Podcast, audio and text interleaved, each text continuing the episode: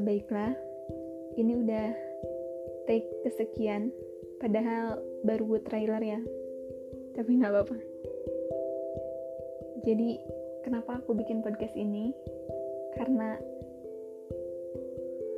aku ingin didengarkan, dan juga aku ingin mendengarkan. Jadi buat siapa pun yang mau cerita, aku dengerin. Dan di sini aku bakal cerita, semoga kalian dengerin juga. Yang lainnya, karena banyak yang nyaranin juga buat coba dong bikin podcast. Jadi, apa salahnya dicoba kan? Siapa tahu bermanfaat.